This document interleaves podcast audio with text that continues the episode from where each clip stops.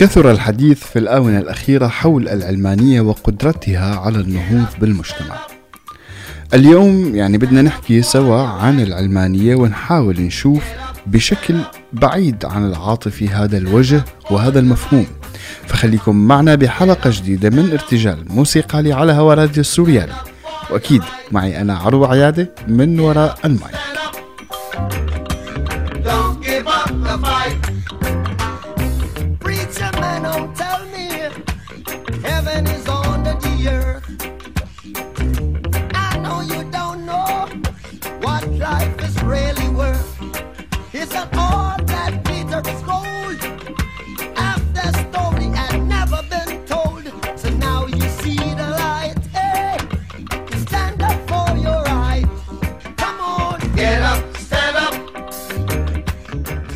مرحبا فيكم يا أصدقاء.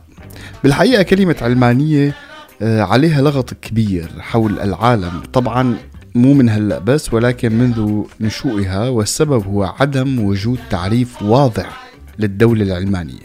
هلأ أول مين أطلق المصطلح هو الكاتب البريطاني جورج هوليوك عام 1851 وهو قام بتوصيف يلي قالوه الفلاسفة من قبل وهو تخيلوا نظام اجتماعي منفصل عن الدين وهذا النظام لا يقف ضده.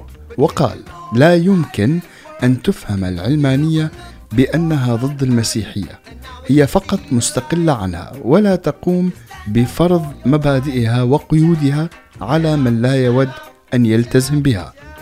المعرفة العلمانية تهتم بهذه الحياة وتسعى للتطور والرفاه في هذه الحياة. وتختبر نتائجها في هذه الحياة. انتهى الاقتباس. بالتالي فينا نفهم أن العلمانية هي ما لها حزب أو فكر إيديولوجي ولكن هي طريقة لإدارة الدولة.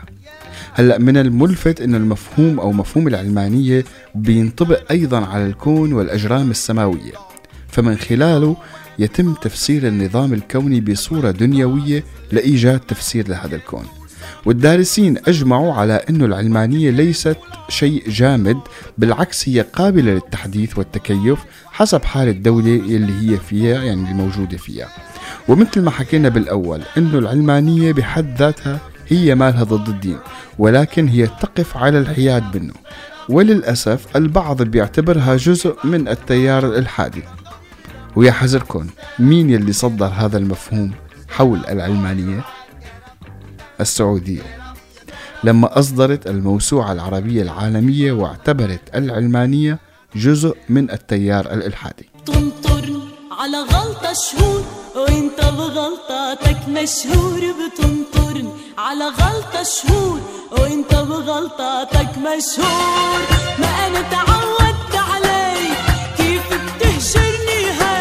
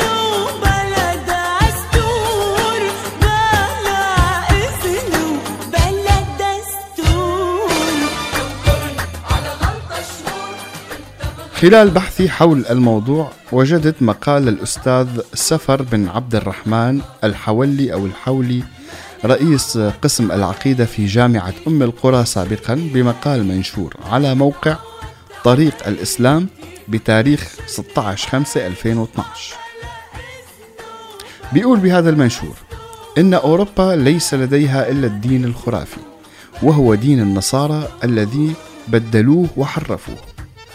ويتحفنا الأستاذ قائلا ولذلك كيف جاءت قضية المرأة في الغرب؟ طبعا هذا السؤال اللي طرحه الأستاذ يعني فيما في من, من ضعف المعرفة يعني ما علينا. خلونا نشوف الجواب اللي كتبه. قضية المرأة في أوروبا نشأت حينما كان المجتمع الديني يقول كما حرفوا في الإنجيل المرأة حيوان نجس فأرادت المرأة أن تتحرر وكان هناك أيادي يهودية خبيثة ما تزال تعمل وراء تحرير المرأة.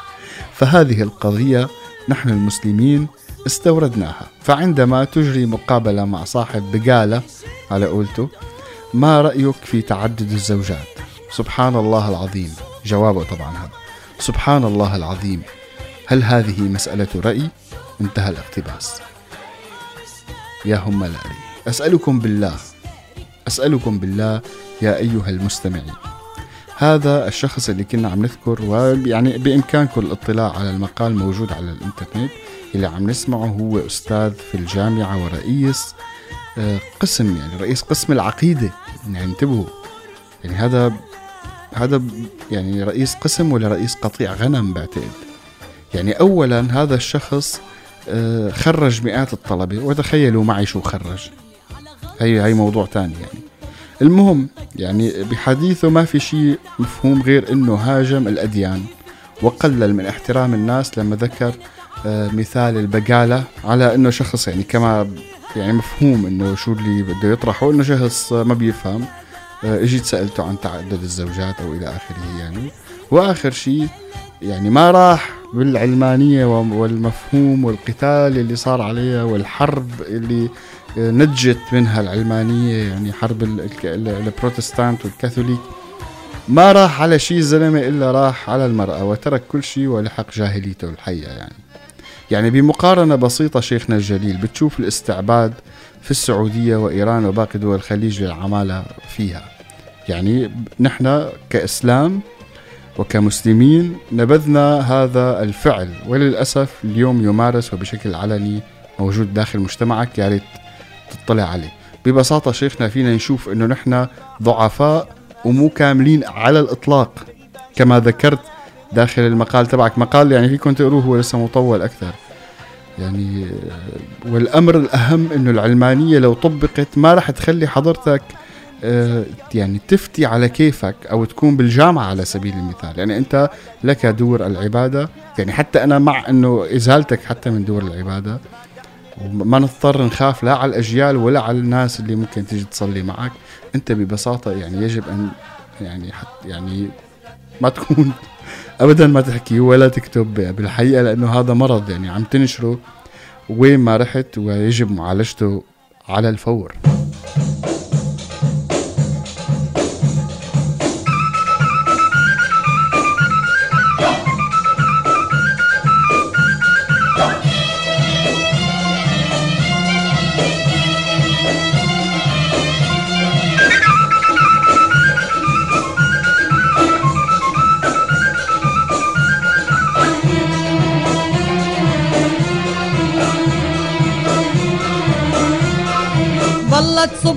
القهوة وزيدوها هيل واسقوها للنشا مع ظهور الخيل. والله تصبوها القهوة وزيدوها هيل واسقوها للنشا مع ظهور الخيل.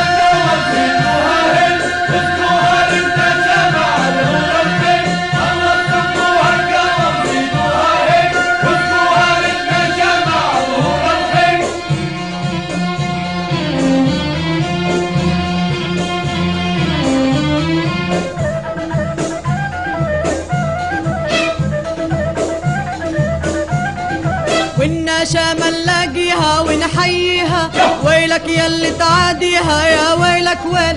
والنشا ما نلاقيها ونحييها. ويلك يلي تعاديها يا ويلك وين؟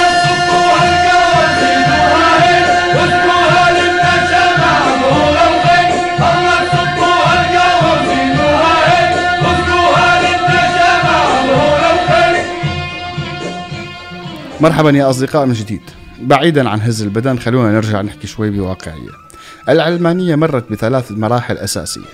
أولها التحديث هي المرحلة يعني أهم مقوماتها هو الفكر النفعي. بمعنى هي المرحلة كانت تبحث عن ما يعود بالنفع وزيادة الإنتاج على المجتمع. ولهيك ظهرت الدولة القومية في آه، الداخل يعني داخل الدول بأوروبا والاستعمار في الخارج. يعني هم راحوا استعمروا في الخارج لحتى تضمن أو يضمنوا تحقيق هي الزيادة الإنتاجية.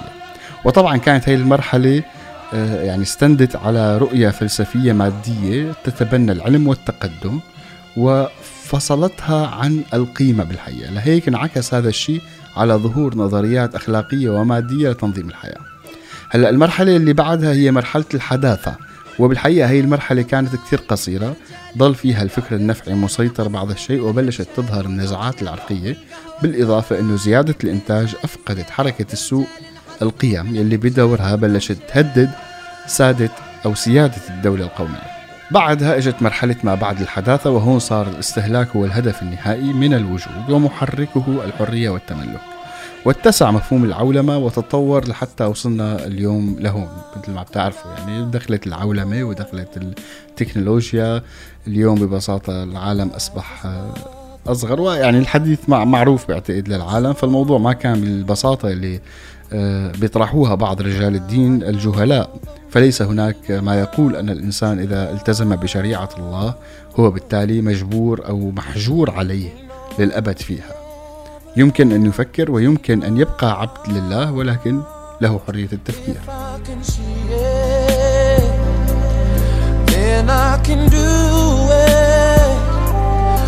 If I just believe it, there's nothing to it. I believe I can fly. I believe I can touch the sky. I think about it every night and day spread my wings and fly away. I believe I can soar.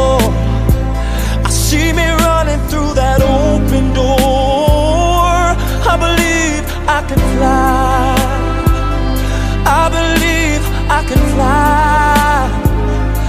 I believe I can fly.